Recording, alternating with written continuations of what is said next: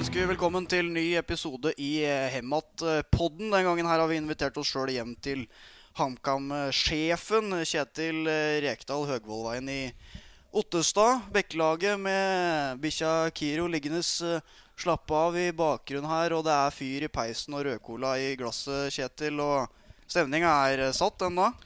Ja, det, det var det. Det begynner vinteren nærme seg, så jeg har litt jobb igjen ute i hagen med rake lau som jeg må ta så før snøen kommer. Så nå er det igjen. Litt arbeidsoppgaver har du i, i heimen òg, Det ikke bare nede på Briskeby at du må drive på? Ja. Det er noen småtteri som må gjøres før eh, det blir for kaldt, ja. Først og fremst gratulerer med opprykket, som eh, jo egentlig for lengst er i, i boks. Og førsteplassen i Obos-ligaen eh, sikra dessuten også.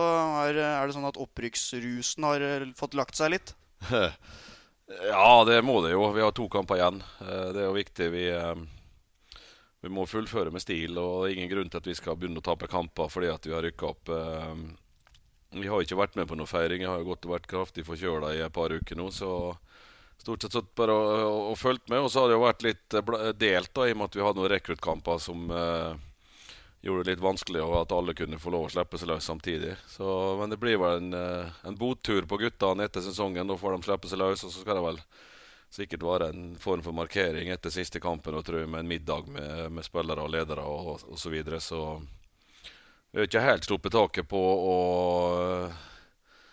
øh, feire oss sjøl eller sånt, og det, det skal du ikke gjøre heller. For det, det, det, fotballen er det er veldig lite med opp, store oppturer. da, Det er stort sett mye slit. Så det har vært en artig sesong og en bratt kurve fra august i fjor til eh, ja, 1. november eller 6. november i år, når vi var sikre på at vi, vi var oppe. Da, da var det ikke noe teori bak det heller lenger. Så det, det har vært spesielt. Mm. Og etter eh, 13 år nedover i divisjonene for eh, HamKam første og, og andre her, så var det en del som skulle ut på Østre Torg natt til søndag forrige helg her.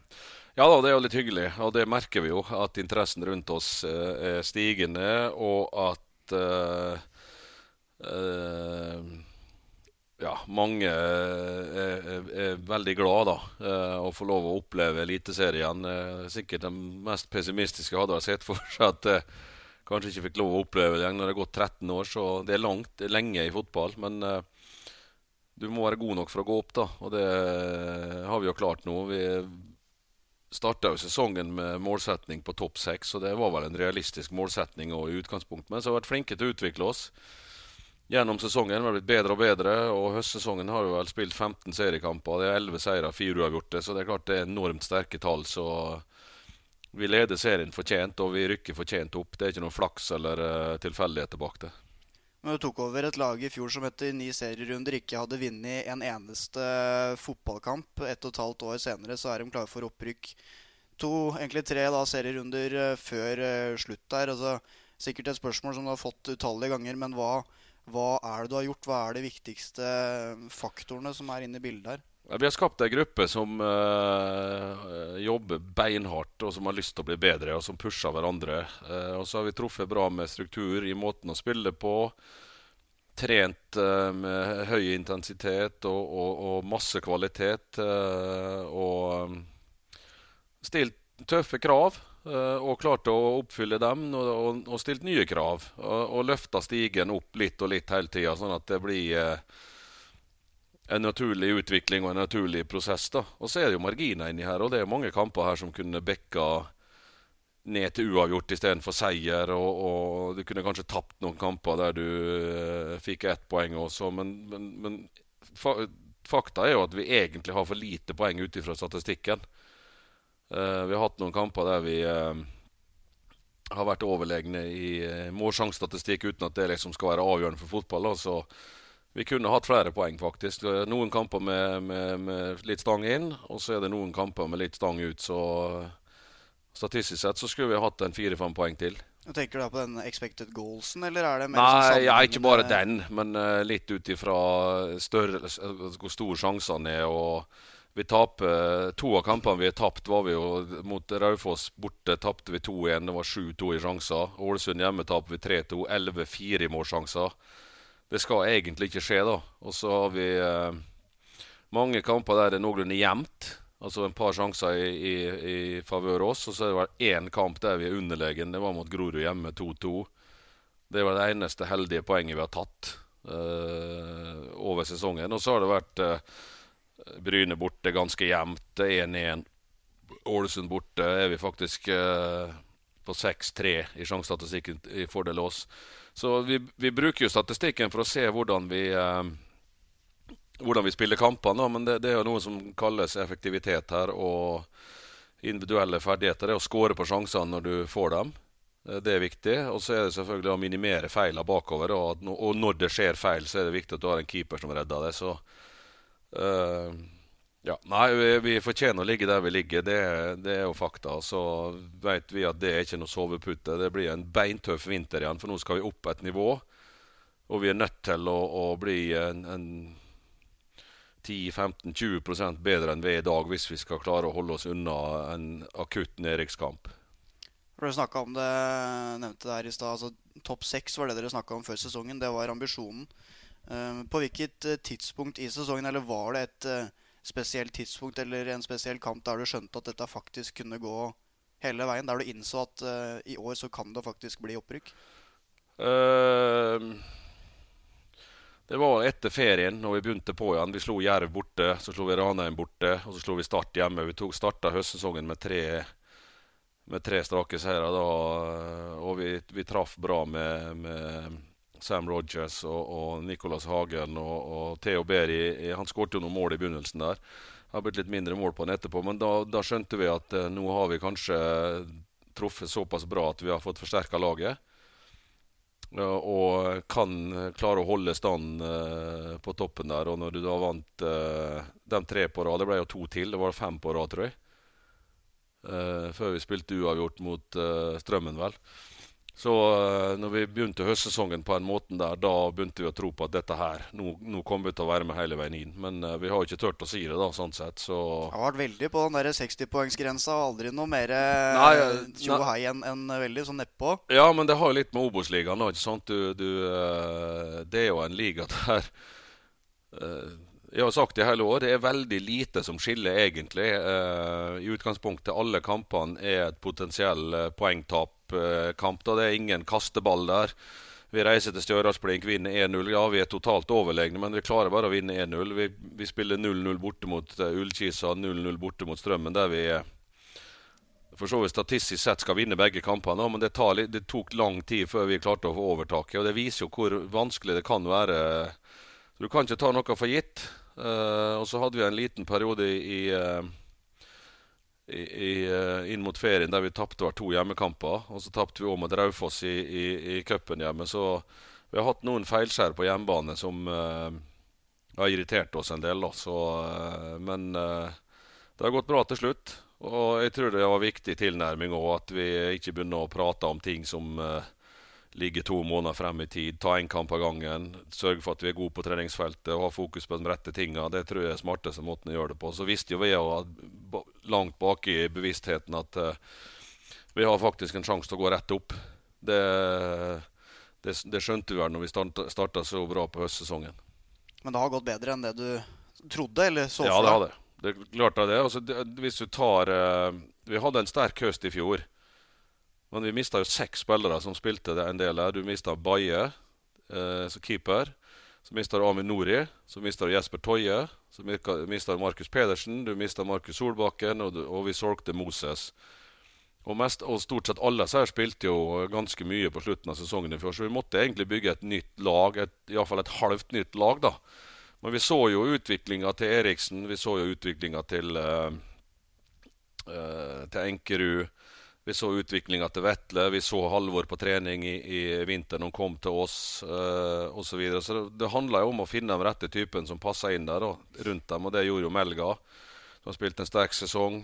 Eh, vi har eh, fått tak i Rasmus, som vi visste vi måtte bruke tid på. Men det er klart løfte han opp. Han har fortsatt mer å, å gå på. Det fikk inn Bjørlo, eh, som har utvikla seg kontinuerlig. Hassan Kurushai kom inn. Så vi klarte å tette de høla som vi sto med da, etter etter en sterk høstsesong. Og, og, så så vi det på trening gjennom vinteren at uh, vi har et bra nivå her. Vi har bra intensitet, vi har bra trøkk. Vi er bra organisert, og når vi spilte en del treningskamper, så så vi når vi hadde førsteelveren, eller såkalt førsteelveren på banen, så så vi veldig sterke ut. Når vi bytta inn mange av de andre, så var vi svake. Uh, men der òg er det en del av dem som har tatt, tatt opp hansken og utvikla seg bra i løpet av sesongen og kunne bidratt når vi trengte dem. da, For det, vi har en tynn stall. Det, det, har vi. Så uh, ja, det er mange som har lagt ned en fabelaktig jobb eh, både i støtteapparatet og i spillerstallen og i ledelsen og generelt sett for at vi skulle kunne klare dette her. Som jo har utvikla seg til å bli et, eh, et, eventyr, eh, mer eller mindre. Noe som i hvert fall ikke fikk en eventyravslutning, var den forrige jobben du hadde før HamKam. Da var det i start. Sånn, sånn rent sportslig gikk jo egentlig ganske bra. Men avslutninga ble det voldsomt rabalder rundt. Uh, hele den farsen som det ble, medieoppstyret, alle sakene.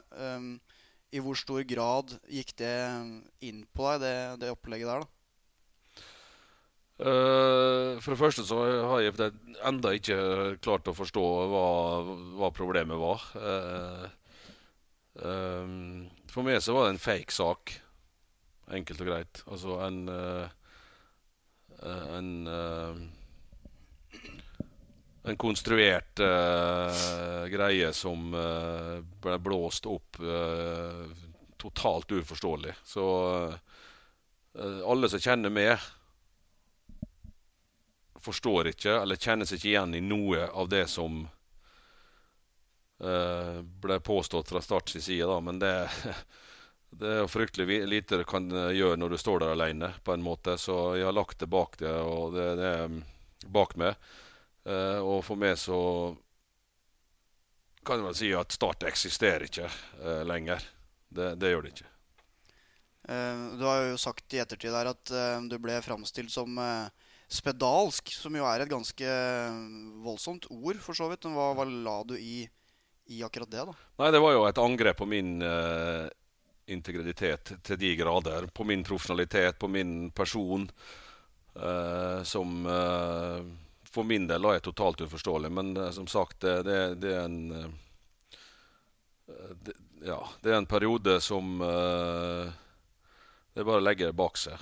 Det er, det er ikke så mye annet å gjøre enn det. Annet enn det jeg kommer aldri til å forstå hva som, som skjedde der. Det, det, det, det tror jeg ikke jeg klarer å finne ut av. Men uh, den perioden etter her altså Man er jo alltid vant med at når det dukker opp uh, ledige trenerjobber i norsk toppfotball, så er alltid du et av navnene som har dukka opp. Du har blitt kobla til, til, alt hva det enn uh, skulle vært. Men plutselig der så var, var du ikke inne i miksen lenger når navn skulle bli dratt opp til diverse jobber. Altså, hvordan opplevde du den biten? Det må jo ha gjort noe med omdømmet ditt da, og hvordan folk så på deg? Ja, det er klart det er jo alltid dem som tror på, på ting de blir hører og, og synser og mener om. Jeg har jo alltid vært kontroversiell. Eh, kanskje mindre nå enn før. Eh, og det har jo med erfaring å gjøre på, en, på et vis, da. Men eh, eh det, eh, jeg følte det som et angrep på min kompetanse, eh, rett og slett. Start var det sjuende beste laget i Eliteserien den perioden jeg hadde dem. Det har de ikke vært i nærheten av siden tidlig på 2000-tallet. Så sportslig så var det uforståelig. Eh, og på mange andre måter var det uforståelig òg. Men igjen, da. Det Jeg tror fakta har kommet på bordet når det gjelder sport i etterkant. Hvor, hva som har skjedd med HamKam, og hva som har skjedd med Start. Så var det vel noen på, på laget etter kampen deres mot Start denne sesongen her. Det er jo to ganger uh, kalasseiere, som ikke lurte på om de kunne spille Start every week. Uh, men, men, inn mot disse kampene her så, så, var du veldig forsiktig med å snakke om ditt forhold til Start og din uh, bakgrunn og fortid uh, derfra. Vi ville vel ikke prate om det nesten i det hele tatt. Hvorfor ikke? Nei, altså som sagt så det er et tilbakelagt kapittel. Um, det var veldig viktig for meg å gå inn i den kampen på en helt vanlig måte overfor spillerne mine. Det måtte ikke bli en kamp med, med, med Reka mot, eh, mot, Start. Det, det, måtte bli en kamp HamKam mot Start. Og det, det, tror jeg var rett måte å angripe det på. Så eh, jeg er ganske sikker på at spillerne hadde en ekstra lyst til at uh, vi skulle slå Start. Og at det betydde mye for dem å, å backe opp uh, treneren sin og gi han den uh, gode følelsen av å vinne. Det er like god følelse uansett hvem du vinner mot, da, men det ble vel satt litt ekstra pris på kanskje at vi slo Start to ganger. Det, det, det virka sånn på spillergruppa i hvert fall, at de, at de gjorde alt de kunne for at det skulle gi, gi med den godfølelsen i, i disse to kampene her, da. Det har de gjort i andre kamper, og så er det ikke noe forskjell, det. da, Men uh, det virka litt sånn når vi vant 4-1 i Kristiansand. der det, det, det, var en artig seier. Med den, eh, med den uh, ripa her i lakken, kan du si, og det omdømmet som vi snakker om, som kanskje fikk seg en, en liten trøkk da, pga. dette her, har du på en måte følt deg, i hvert fall si i, i norsk målestokk, på en måte litt sånn si litt avskilta etter, etter det som skjedde der? Eh, både ja og nei. Eh, det ble forsøkt kanskje da på en måte eh, å avskilte. Eh, men eh, jeg veit hva jeg står for, og hvis du setter ned og ser på min trenerkarriere, så ser du at det er gode resultater jevnt over hele veien. Eh, gjort alle lagene jeg har trent bedre. Hatt selvfølgelig noen tøffe perioder, mye prega med, med med svak økonomi. Uh, F.eks. andre perioden min i Vålerenga den var beintøff når du ikke visste om du overlevde neste uke og neste uke og neste uke hele tida. At du måtte kutte kostnader med, med brutal øks for å uh, få klubben i vater igjen. Det var steintøft. Uh, og det er klart at da er det jo du bruker jo ufattelig mye energi på andre ting enn å trene lag og hjelpe spillere og utvikle spillere og sørge for at du er godt forberedt til kamp osv. Det er alt som tar energi vekk fra hovedjobben din, er en belastning. Uh, og det er jo sånn når du holder på med dette her nå, det, og der er jo Drillo uh, når han sier det, at du blir aldri utlært som fotballtrener. Du, uh, du oppdager nye ting hvert eneste år. og det, Han kunne ikke få sagt det på en bedre måte. Det, det er ekstremt viktig å følge med utviklinga og ekstremt, ekstremt viktig å se fremover. Og ta neste steget og sørge for å komme på beina igjen. Og det har vi klart her, da. Eh, men de hadde ikke klart alene. Jeg er jo eh, ekstremt fornøyd med, med Geir, f.eks., som er 100% lojal. Han utfordrer meg, og jeg utfordrer han. Vi er, vi er langt ifra enige om alle laguttak. Vi er langt ifra enige om alle endringene som er gjort. Men når det blir tatt en avgjørelse, så står vi skulder ved skulder. og det er jo for så vidt Sånn er det i resten av teamet. Og, og, og, klubben gjør jo alt de kan for å legge til rette for at vi skal ha en sportslig, stabil, rolig hverdag uten uh, trøbbel. Da. Det er klart Hvis vi hadde økonomiske problemer hengende over oss hele tida, så er jo det, det er energitappende. Så uh, det styret har gjort i år, og det investorene har gjort i år, og de rundt oss, de har lagt alt til rette for at vi skal ha best mulig vilkår på sport. Så vet jo vi det at vi er fortsatt små på budsjett, vi er små på lønninger osv. Men vi har, vi har iallfall hatt en helt fantastisk hverdag der vi kunne fokusere på de viktigste tingene. Å Trene bra og, gjør, og, legge til rette for spillerne så godt vi kan. At de skal ha muligheten til å utvikle seg og sørge for at uh, de blir best mulig. Uh, det er ikke alle klubber i Norge som uh, klarer å få til. Og, det, det, og du ser jo dem som sliter. Der er det jo alltids problemer. Det er ståhei i alle retninger, og fokuset er altfor lite på sport. da. Vi har hatt kun fokus på sport, og det har uh, vært rette veien å gå. Jeg er jo litt, eh, litt, inne på det for din del her, at uh, egentlig en fellesnevner for stort sett alle, i hvert fall de aller fleste klubbene du har vært der, at du har kommet til uh, klubber som kanskje har vært i behov for en oppsving. Altså Du har ikke tatt over toppklubber Nei. hvor ting ofte har vært uh, strigla. da. Er det er det på en måte, Føler du at du har blitt satt i en slags bås der? At det er det folk tenker at det er det du er best på, og det er det du fikser? Nei, det er det ikke. Men det er litt tilfeldig uh, oppi det her. Uh, og så går det jo det, altså det, det, er klart det, det er mye, mye, prat og visvas rundt om går. Det var En periode fikk jeg høre at det var bare defensivt fokus. og ikke utvikle unge spillere. og Så kan du sette ned og se på fakta. ikke sant? Altså, de fleste lagene jeg har skåret, har skåret mye, eller trent, har skåret mye mål. Ja, sluppet inn lite, men det, dette er jo en, en balansegang i det. for det Fotball består av to ting. Enten så må du forsvare det, eller så må du angripe, eller kan du angripe. Og det er, Du angriper jo så mye som du kan, selvfølgelig. Og så er det å finne, finne balansen i det. og så Hvis du setter ned og ser på hvor mange unge spillere jeg har vært med å utvikle fra jeg begynte som trener, og, og mange av dem har havna i utlandet og solgt spillere for sikkert langt over 200 millioner i, i min trenerkarriere. Så det, at, det er mange fakta som eh, blir slått i hjel, men det, det, er mange eksperter, det er mange journalister og det er mange folk som skriver på Twitter og Facebook som synser og dundrer ut med påstander uten å ha belegg for det, eller har innsyn i det, og det er ganske irritabelt innimellom. Eh, for det, det, kan ikke bli sånn at den som roper høyest, har rett.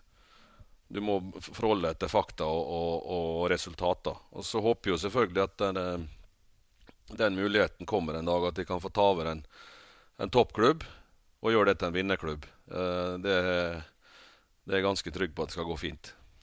Vi snakker om, om påstander og folk som mener i, i hytte og gevær. Etter bortekampen deres i, i Sogndal der, så mente Eirik Bakke bl.a. at dere var største griselaget i, i ligaen, og sto på at uh, Eriksen med vilje hadde skada han Mansour Gaye i første møte mellom klubbene der også. Dere har hatt en, en litt sånn eh, sjargong mellom dere, du og, og Eirik? Ja, det han er, Verken jeg eller Eirik er noe spesielt glad i å tape. Eh, det, det er nok ikke. Å prøve å verne om eh, spillerne våre og lagene våre. Altså at, at, Eriksen skal klare å skade en spiller i en vanlig hodeduell med vilje, det er en påstand som ikke holder vann. Uh, han landa vel for kjært uh, og skada seg. Vi er et av lagene som har færrest gule kort. og det, vi har sluppet inn minst. Og så er det bare Ålesund som har noen mål færre enn oss. Og at vi eh, er kyniske og grisete og stygtspillende og Det er vel en uttalelse som er sagt i, i, i ren skuffelse, og at de eh, ikke klarte å slå oss eh, på Fosshaugane, tror jeg. Um, men uh, i, i, fjor sommer, hvis du ser tilbake på det med når du kom inn til uh, HamKam der etter å ha vært gjennom den perioden du hadde, og HamKam som stod, lå litt sånn på, på bånn. Eh, følte på en måte at det var liksom en uh, gyllen mulighet for deg å få litt fart på trenerkarrieren igjen etter en litt sånn stille periode. Jeg spurte med Ståle Solbakken her for litt siden, som mente at uh, det har vært en fantastisk gjenoppreisning for din del, og det du har fått vært med på i HamKam her nå? Ja, Sett utafra så kan folk eh, kanskje mene det. Det var jo dem som mente det at nå har jeg blitt så desperat og at eh, jeg eh, kunne ta hva som helst. Det, situasjonen rundt det at det ble HamKam er jo litt spesiell. For det første så bor jeg her. Og så var jo hele verden i lockdown med korona. Eh, det gjorde jo at muligheten som eh, var ganske stor på å komme utenlands jeg, eh, jeg var jo egentlig på vei i mars og skulle møte to forskjellige klubber på en, på en reise eh, som eh, jeg stoppa i siste liten pga. at når covid slo ut, så var det jo lockdown over hele verden. Og da forsvant det. Og så er det jo sånn i bransjen at det uh, Du kan liksom ikke gå og vente til evig tid heller. Du må ta den sjansen som kom. Og når du bor her, og du har tre minutter eller fire minutter ned til, til, jobben din, og da kan på en måte komme i gang igjen og være trener, istedenfor å gå og vente til at uh, koronaen skulle legge seg ned, og at du kanskje kunne se i et bredere perspektiv, da. Så kan du godt si at HamKam var helt perfekt for meg, og så uh, uh, I min situasjon òg perfekt for HamKam, da. Sånn i og med at du du hadde gått litt utafor en stund og, og var sugen på å komme i gang igjen. Og For meg så er det ikke noen nedtur å trene et Obos-lag. Det, det, er samme premissene som gjelder. Det er å prøve å få best mulig resultat og få mest mulig ut av hverdagen din. Det er ikke noen nedtur for meg å, å, å trene et Obos-lag. Jeg så potensialet. Eh, uh, når jeg satt meg ned Jeg, så, jeg, så, jeg, har, jeg har vært på Briskeby to ganger. Uh, fra 2013 til 2020 eller, Jeg har to, to eller tre kamper. jeg har sett for jeg har alltid vært opptatt med andre ting. Enten så har jeg vært i studio, eller så har jeg trent et annet lag, eller hva det er for noe. Uh, så så jeg kampen mot Åsane da, den fredagskvelden. For jeg ble spurt på torsdag om vi ville ta over HamKam. Så sa jeg jeg trenger noen dager å tenke på det. Og så spilte han borte mot Åsane, og det var Geir som leda laget. tror jeg. Leda dem 2-0, og så ble det 2-2. Og da syns jeg ikke at laget var så dårlig. Og jeg tenkte at her kan det nå gå an å gjøre noe med, med dette her. Uh, og det begynte du på egentlig med en gang, da, fordi at du du er jo nødt til å komme deg ut av den der noe sinnssyke rekka med siste skuddet på ballen i mål Ja, baklengs. ikke til å tro. Ja, det var, det var jo det, ikke sant? Men du så jo tendensen fra 60 minutter ut at HamKam ble svakere og svakere, at motstanderen fikk større og større overtak. Så den fysiske biten var jo én ting å ta, ta, tak i, og det andre var jo hvordan du skulle organisere når du begynner å Du kan begynne å trøtne ut litt, da. Uh, du hadde jo skåret mye mål. Så vi måtte regne ut en, eh, en kalkyle på at vi, eh, vi, er nødt til å uh, sørge for at kampene blir jevne. Og at du kanskje ender opp i en målforskjell som er break even. på en måte. Du hadde 19-26, tapt 4-3 og 2-2.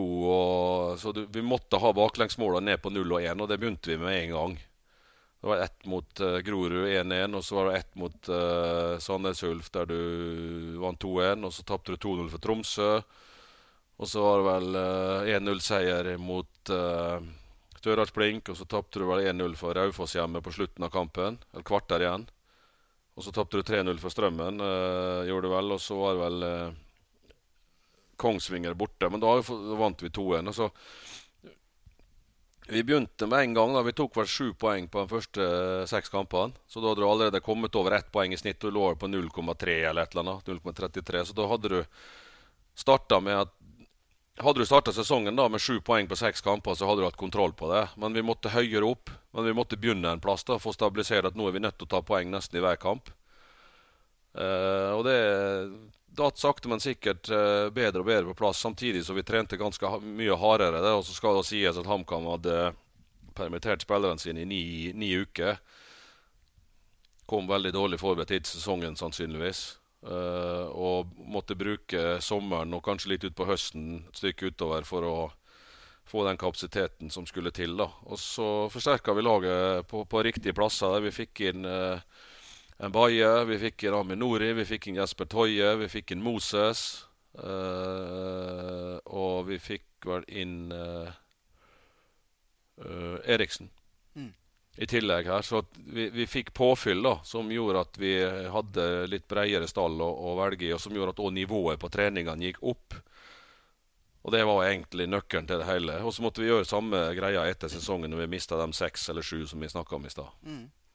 Men sånn som når du, du snakka om det at um, folk kanskje mente du trodde du ble, begynte å bli desperat da når du tok over HamKam, for du har jo stort sett bare hatt uh, større klubber og vesentlig større klubber eh, tidligere. Når du da kommer inn i, i, garderoben og det er bøttevis med spillere som har spilt andre, tredje, fjerde divisjon og veldig lite erfaring fra samme hylle som det du kom fra, føler du kanskje at eh, med ditt eh, vesen og den autoriteten vår kanskje at eh, en del nærmest sånn blir det sånn frykt når du kommer inn? Altså at folk eh, ikke, på en måte ikke tør annet enn å adlyde når du taler? Ja, det altså jeg, jeg fremtvinger jo respekt. Eh, jeg merker det når jeg går inn i et rom, så blir det veldig stille.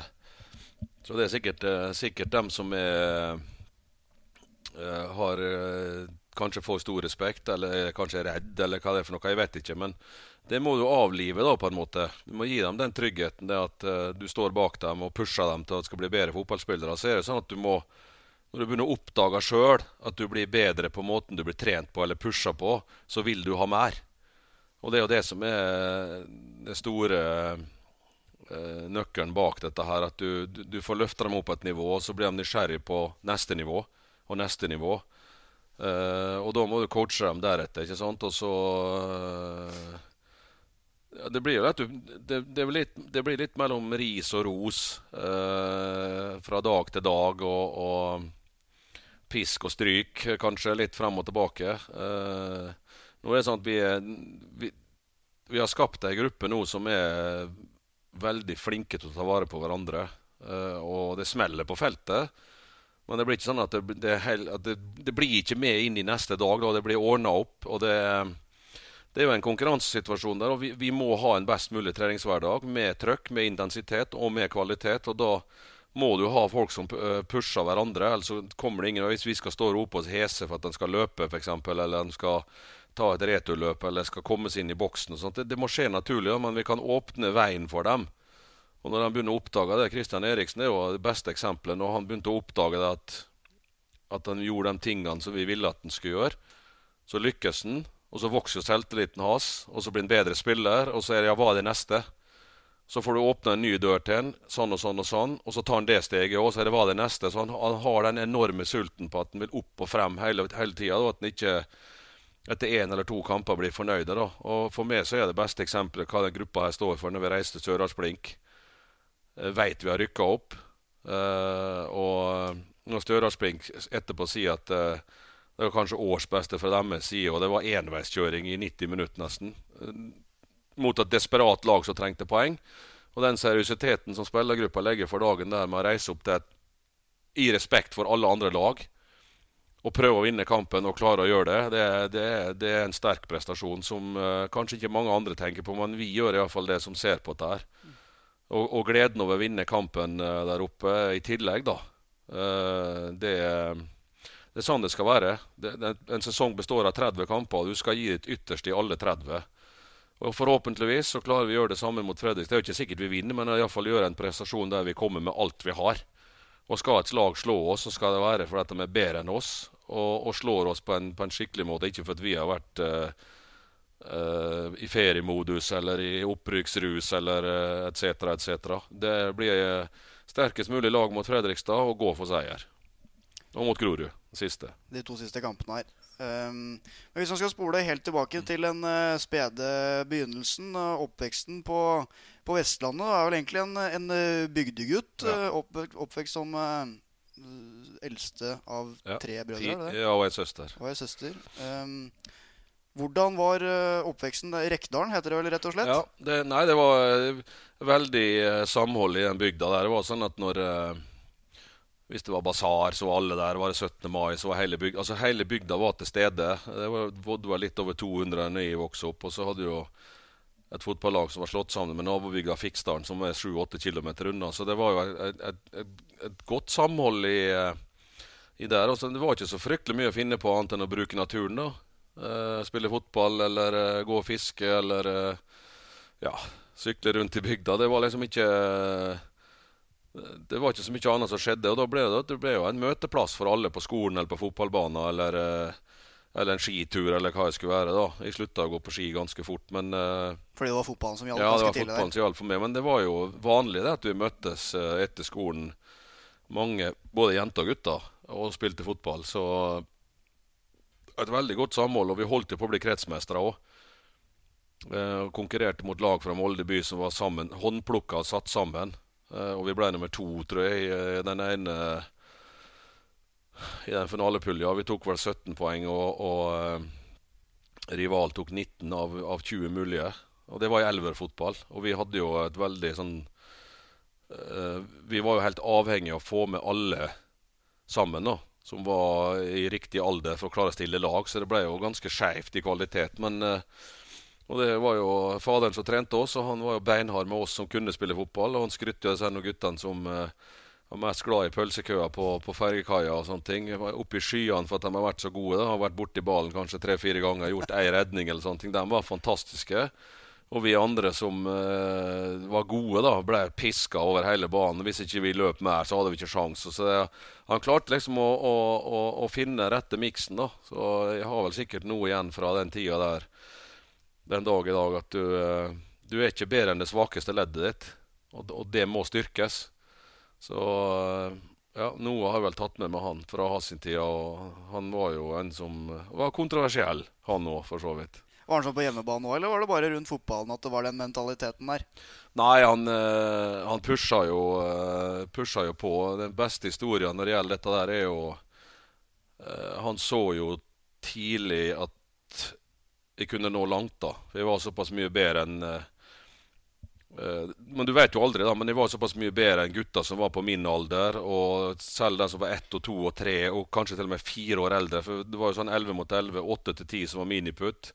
Da jeg var åtte år, så spilte jeg ti til tolv, så jeg kunne møte gutta som var tolv år, fire år eldre enn meg, uh, på stor bane. Og det er klart at det, det er jo ikke det er ikke så lett å hevde seg der, men det gikk ganske bra. da, så han, når vi, vi måtte vinne ganske mye den eneste kampen når vi kjempa om kretsmesterskapet borte.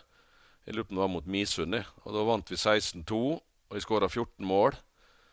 Og når vi kom hjem, da, så løp Sindre, som er to år yngre, han var jo med, for han var da han var ni og jeg var elleve, tror jeg. Uh, inn til mamma og så sier jeg, du må spørre du må spørre pappa hvordan kampen gikk. da, Mens hun drev og lagde middag uh, på kvelden. Og Så glemte mamma det å spørre, og så sier Sindre midt under middagen ja, men 'Mamma, skulle ikke du spørre pappa hvordan kampen gikk?' da? Jo, jo, det skulle jeg gjøre. Eh, og så før mamma fikk spurt, så sier Sindre Vi vant 16-2, Kjetil skåra 14.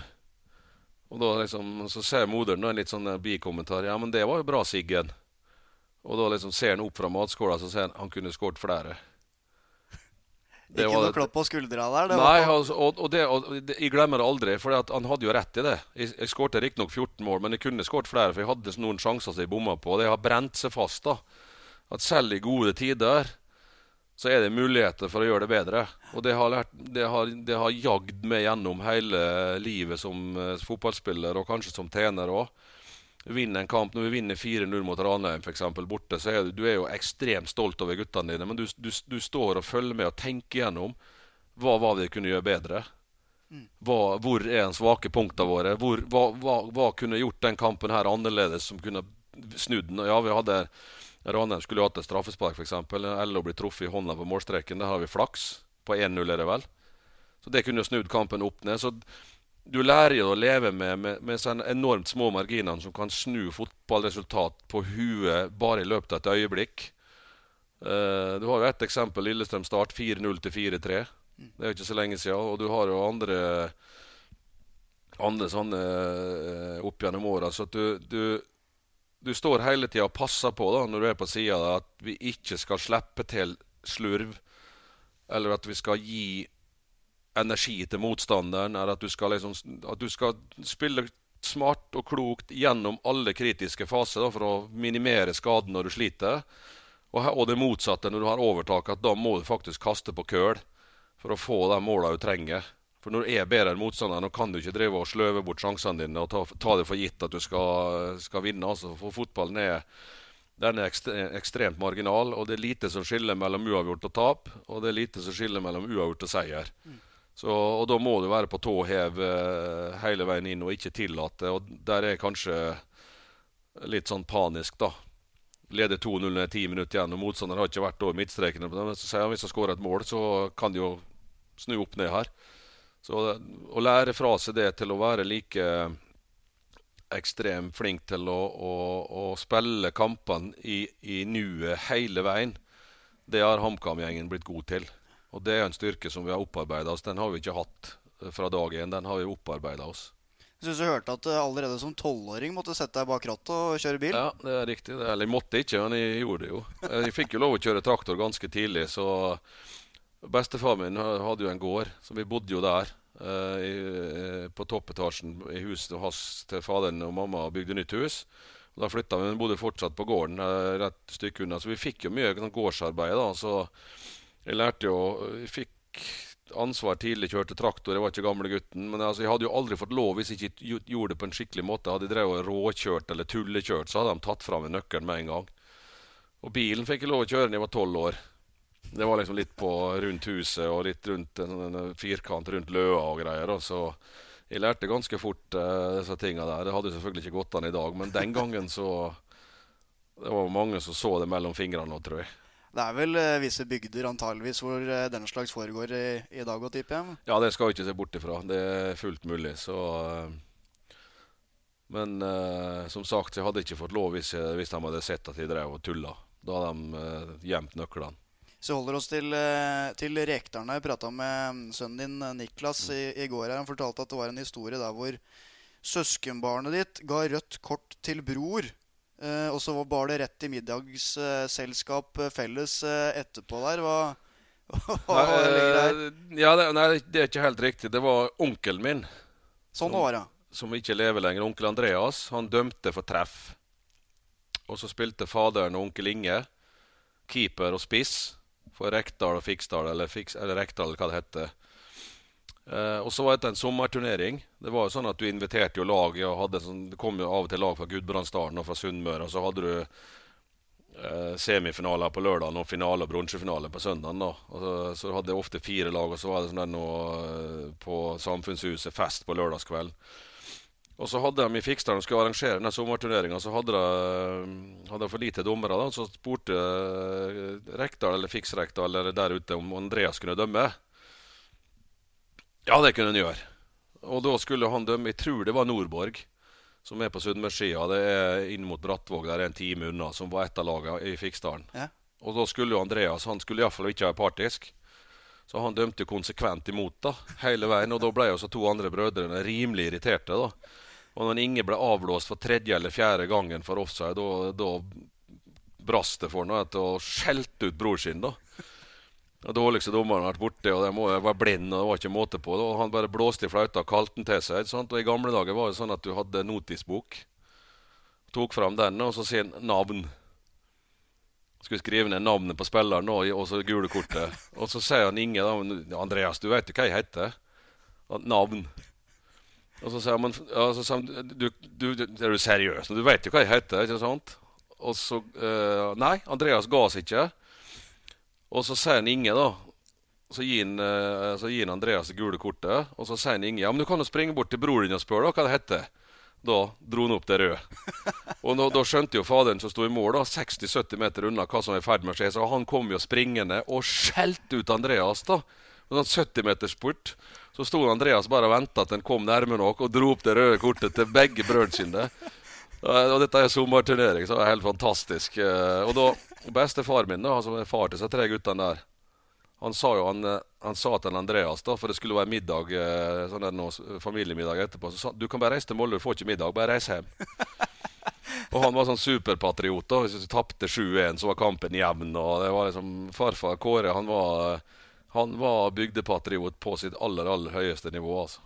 Så det ble ikke noe ålreit eh, Nei, det, familiemiddagsselskap i han. Andreas var ikke der, nei. Han reiste hjem til Molde. Hvis vi, eh, hvis vi eh, holder oss eh, rundt grytene litt her, da, for det går, går gjetord om at du vel ikke akkurat er noen mesterkokk, er det, kan det bekreftes? Det er helt korrekt.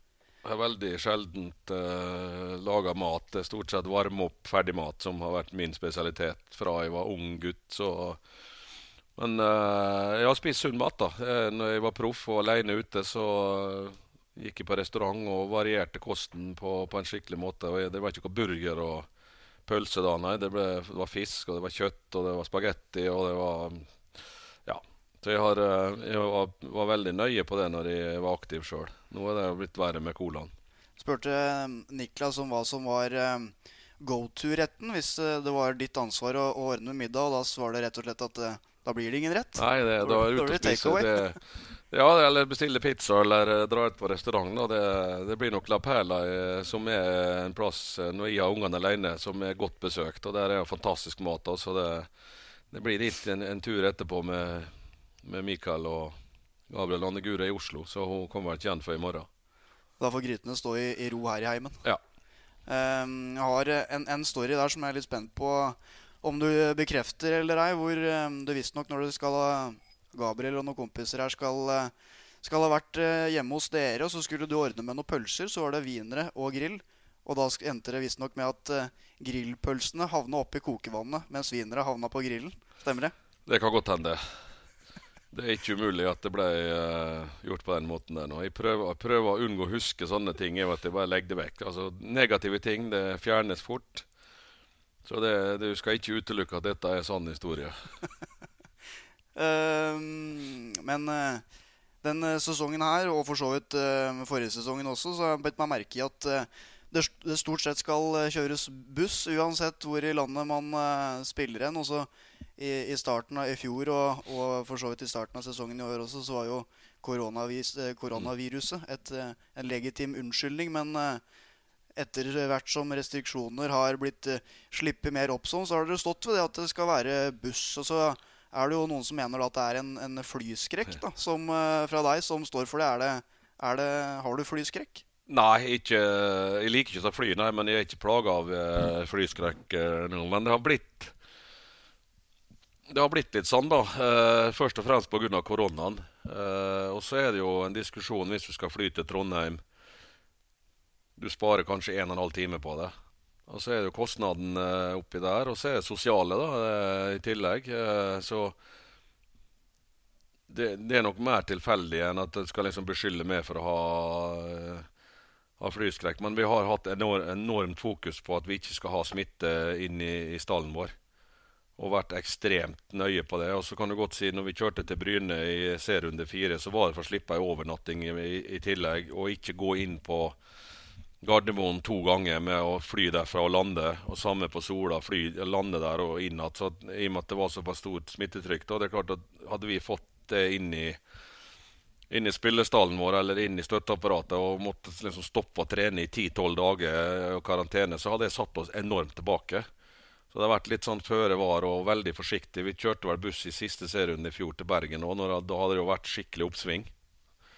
Så det er jo, det er jo en lang tur, men uh, det, det, har gått greit. Uh, Iallfall for oss i fronten av bussen. Vi har jo ikke hatt noe problem. Men det kan godt være at uh, vi må fly mer neste år, da. Klart uh, Opp til Bodø, opp til Tromsø og ned til Viking mot Stavanger. Eller ned til Stavanger mot Viking, og kanskje til Bergen eventuelt. Så men det er jo ganske lett å kjøre buss opp til Tromsø. Det, nei, opp til eh, Trondheim, selvfølgelig. Og så blir det jo nedover eh, Lillestrøm blir buss, Vålerenga blir buss, Sarpsborg blir buss, Odd blir buss, Ålesund-Molde blir buss. Så det blir noen bussturer neste år òg. Rekker å få med deg litt Hamilton på veien nå når du sitter i bussen? Ja, hvis det er eh, søndagskamp, altså. Så du får jo med det. Det, det er spennende om dagen. Der. Det er full krig nå. Det er teams som krangler om regler. og ja, det, det, er ikke sånn det skal være. Men uh, det er jo en sport som består av ekstremt mye politikk. Så ja, vi får bare ta underholdninga som den er. Ja, Rett før vi satt på rekken her, så var det en brennende engasjert telefonsamtale hvor eh, Formel 1 var tema, i hvert fall, fikk jeg med meg. Ja, det er at eh, jeg har jo fulgt med i, ja, i snart 30 år.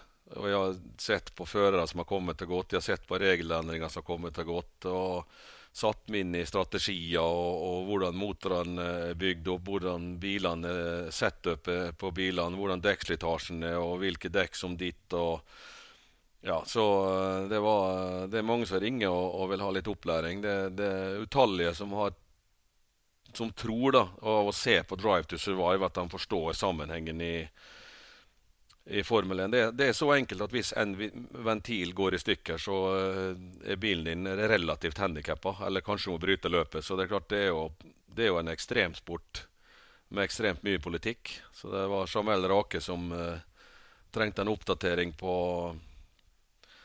på gårsdagens løp. Men du har jo vært ute på, på Twitter og slengt litt meldinger med, til eh, fotballeksperter, som du jo helt åpenbart ikke anerkjenner eh, alle. Uh, og samtidig på Twitter um, Du har jo ikke noen formell 1-erfaring sånn sett. Du er ikke redd for at den sparker deg litt i, i Ja, men, men jeg, jeg, har aldri tatt på meg rolle som Formel 1-ekspert i. Jeg er mer supporter, og, og, og, så har jeg heller ikke gått løs på å beskreve noen som udugelig. Det er klart når, når du sitter i et studio og, og går løs på f.eks. Ole Gunnar Solskjær og påstår at han er taktisk blank, og tillegger han det Samtidig som du påstår at Ronaldo er problemet til United og han lager føss i garderoben uh, uten å ha innsyn i det, det syns jeg drar altfor langt. Kan, jeg har ikke noe problem med at folk diskuterer fotball og, og, og snakker om prestasjoner osv., men å tillegge folk Jeg har jo opplevd dette mye. Jeg har blitt tillagt myter om at uh, han er sann, og han er sann, og han er sann, og han gjør det, og han gjør det, og han gjør det. Og så er sannheten egentlig totalt annerledes. Og da sitter folk da som er kanskje 500 km unna og hamrer løs på, på påstander. Så det, jeg tror en skal være litt mer forsiktig med å gå for langt med det. Men at det, at det er flinke eksperter det er, som er saklige, og som stiller gode spørsmål uh, og vurderer prestasjonene uh, osv. Men det blir for langt det når du sitter og ser spark han for at han er udugelig. Han har ikke taktiske egenskaper og osv. Og ikke har prøvd sjøl heller, da, i tillegg. Det kommer jo oppå. Da blir det for billig for meg, altså, rett og slett. En helt annen greie når, eh, Du og, og, Bent nå, som er i gang med et, et opptreningsopplegg på Phoenix nede på CC stadion der, skulle ned noen kilo og opp litt i form. Noe sånn, sånn sirkus halvveis inn i opplegget der. Hvordan ligger det an? Vi er ikke sirkus halvveis, for nå har vi hatt, jeg har hatt en pause på 14 dager. Så det er jo utrolig irriterende eh, pga. en kraftig forkjølelse som eh, fortsatt ikke har helt sluppet taket. Så jeg er jo på etterskudd. Så det, når du hadde liksom hatt tre-fire steintøffe økter som du klarte nesten ikke å løfte hendene dine, og du hadde gangsperre til langt over ørene og kommet over den første kneka, da, så blir du kraftig forkjøla. Du har ligget ja, en del av dagene under dyna for å prøve å hente det inn igjen, og du er fortsatt litt sånn den og tett i halsen og, og, og små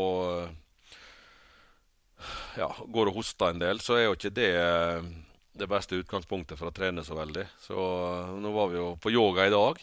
Yoga i dag, ja. ja. For å komme i gang igjen. Og så skal vi prøve oss på en ny økt på fredagen med å ta det litt litt mer igjen med litt løping tror jeg, og litt styrketrening for å få komme i gang. Da. Men jeg klart jeg har mista to uker, eller to og en halv uke faktisk. Så kom det et opprykk inni her også, som gjorde at det ble litt spesielt. Så, men jeg hadde ikke kunnet vært på trening uh, heller, sånn som jeg har vært uh, nedsylta med forkjølelser. Hvor langt er det unna matchvekt nå? Nei, Det er altfor langt. Så uh, nå har jeg fått uh, fiksa kjelleren. Det hadde en lekkasje her i, i, sommer som har fått lagt på parketten, så nå får jeg begynne å flytte ting på plass igjen. Og får jeg grave fram igjen denne mølla mi, så får jeg blodtrene i hele desember, så jeg kan spise julemat med, med god samvittighet. Jeg er, nødt til å ta et, tak, for det blir bare tyngre og tyngre jo lenger du venter. Så det å komme over den første kneika, komme i gang og trene, få gjort det en par uker, da går det mye lettere. Og det Helt i starten er det pyton. Tredjemølla skal få kjørt seg framover?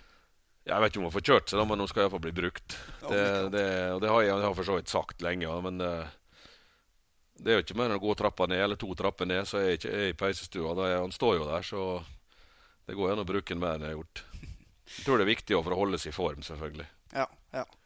Um, men nå, hvis man vender blikket mot uh, det som skal skje um, neste sesong Dere har jo skjønt hvilken vei dette her har båret ganske lenge allerede. Um, hvis man tar utgangspunkt der dere står per nå, med det fundamentet dere har, de spillerne dere har oversikt over at kommer til å være på plass også neste sesong, hva tror du dagens HamKam-lag er godt for i Eliteserien? Du må gi oss vinteren på det. Altså, vi, skal vi være trygge på at vi ikke skal rykke ned, så må vi bli en del bedre. Uh, for det blir Avstanden opp til den beste laget er for stor at vi kan ha noe realistisk eh, Klart Vi kan jo ikke alltid ta poeng mot dem i en enkeltkamp, men at vi skal komme foran Bodø-Glimt, Molde, Rosenborg eh, En tre-fire lag til. Det er egentlig utenkelig første forsøk. Men at vi kan konkurrere med de lagene på midten og ned, eh, det, og at det blir mange jevne kamper der. og Da handler det om da, at du klarer å maksimere det, at du vinner nok av dem. Uh, Istedenfor at du taper 1-0 eller spiller uavgjort. da. Der ligger nok nøkkelen. At i eh, ta, altså, Bonuspoeng hvis du klarer det mot de fem beste lagene, f.eks. Det er ti kamper som går bort. Hvis du klarer å få med deg fire, fem, seks poeng i dem, og så har du de 20 kampene med lag som du kanskje er litt dårligere enn litt bedre enn etter hvordan dagen går, der kommer, til, der kommer slaget til å stå. At vi vinner nok av dem. Mm. Og da vet du nå at eh, vi hadde vi, I dag så hadde vi, vi hadde tatt poeng i mange kamper i Eliteserien med det laget vi har, hvis vi hadde gått inn i dag og spilt eh, mot dem nå. Men det er en vinter her først, og det, og det kommer til å endre seg. og Så spørs det hvem som rykker opp, hvem som rykker ned. Uh, altså hvis Brann berger seg til slutt, så kommer de til å være mye bedre neste år. Det er jo helt, ulog, altså helt logisk at de ikke kommer til å ligge på, i kvalik direkte nedrykk neste sesong. Men de må først komme seg ut av kneika som de har rota seg inn i nå. da. Eh, så spørs det hvem som kommer opp med oss. Så spørs det selvfølgelig hvilke, spill eh, hvilke spillere som forsvinner eller kommer inn i klubber som ligger på femte-sjetteplass og nedover. da. Men det hadde ikke blitt noe kasteball mot de ti nederste lagene. Det hadde vi ikke blitt. Men om vi har tatt nok poeng til å berge oss, det, det det vet en jo ikke, for det, det, blir mange jevne kamper der. Ja, for Følelsen er jo at fundamentet i HamKamp her nå er såpass solid at uh, noe sånn braktap mot uh, middels minus eliteserielag, det, det, det, er vanskelig å se Nei, ja, det skjer ikke. Og vi, vi, vi spiller såpass uh, strukturert og at det vil overraske meg veldig. Det kan jo selvfølgelig skje, men men vi er nødt til å forsterke oss. Først og fremst er det viktig å gi tilliten til dem som har gjort jobben. At vi ikke snur opp ned på hele spillestallen. At en sier rundt fem spillere inn, da. Men det har òg med at det kommer til å være noen som forlater oss. Det er helt naturlig. Og, og utskiftninga i alle spilletropper skjer jo på sommeren når vinduet er oppe, og etter sesongen når vinduet er oppe. Så vi er ikke ulike andre klubber, vi der. Men det blir ikke 15 spillere inn her, nei. Det blir ikke. Vi... Uh, vi har såpass tro på og, og, har tillit til dem som har gjort jobben, her, at de skal få lov å prøve seg og, og, og spille Eliteserien uten at vi skal kaste dem ut. Så, og ikke har vi økonomi til å hente 15 spillere heller, så det blir rundt fem, tenker jeg. Og så må vi treffe. Mm. Og vi må hente spillere som har lyst til å bli bedre, og som vil spille for HamKam og ikke kommer hit for å bare for å være med i Eliteserien. Vi må ha sultne gutter som har lyst til å bli bedre. Men hva, Hvor stor fordel tenker du det er at uh, dere såpass tidlig nå har uh, fått det klart da, at det er eliteserie som gjelder, med tanke på det å skulle kartlegge aktuelle spillere inn for neste sesong, og hvilke behov dere har, og, og muligheter dere har? Det, det, er jo en fordel sånn sett, da, men uh, vi, det er klart det er jo en tøff konkurranse der ute. Det er klart at vi på lønnsbit og overgangssummer så vil vi uh, være på nederste hylle. Så vi er nødt til å være ekstremt flinke til å finne spillere på, som passer innenfor våre økonomiske rammer, som kanskje ingen andre ser på, og utvikle dem. Vi har truffet Vi har jo bevist da i år at det er mulig. Uh, og så er det fortsatt noen i troppen vår som vi tror har mer å gå på. Uh, både de beste og de nest beste. Det, vi har fortsatt tro på at det er mulig å få dem til å bli kanskje de 10-15% av bedre som vi er nødt til å bli. Og så må vi skaffe oss forsterkninger på sida som er med og bidrar til, bidrar til det. Så, men å kjøpe fest på Hamar blir det ikke. For det, for det første har vi ikke råd til det, og for det andre så vil vi det ikke heller. Vi vil bygge videre på det vi holder på med, og ta steg for steg. og ikke sette uh, klubbens eksistens eller uh, i fare, da. For det målet er å, å holdes unna bunnstriden per dags dato. Vi, så får vi se. Kanskje blir det bedre, kanskje så blir det verre. Det, det vet vi ikke. Men den logiske målsettinga som nyopprykka klubb er å prøve å etablere seg. For de supporterne som skulle være uh, usikre på eller frykta at du skulle finne deg en, en ny klubb etter den oppturen som har vært det siste halvannet året, hva kan du si til dem? Jeg har ett år igjen av min kontrakt, så skal jeg bli borte, så må jeg enten bli sparka eller kjøpt ut. da.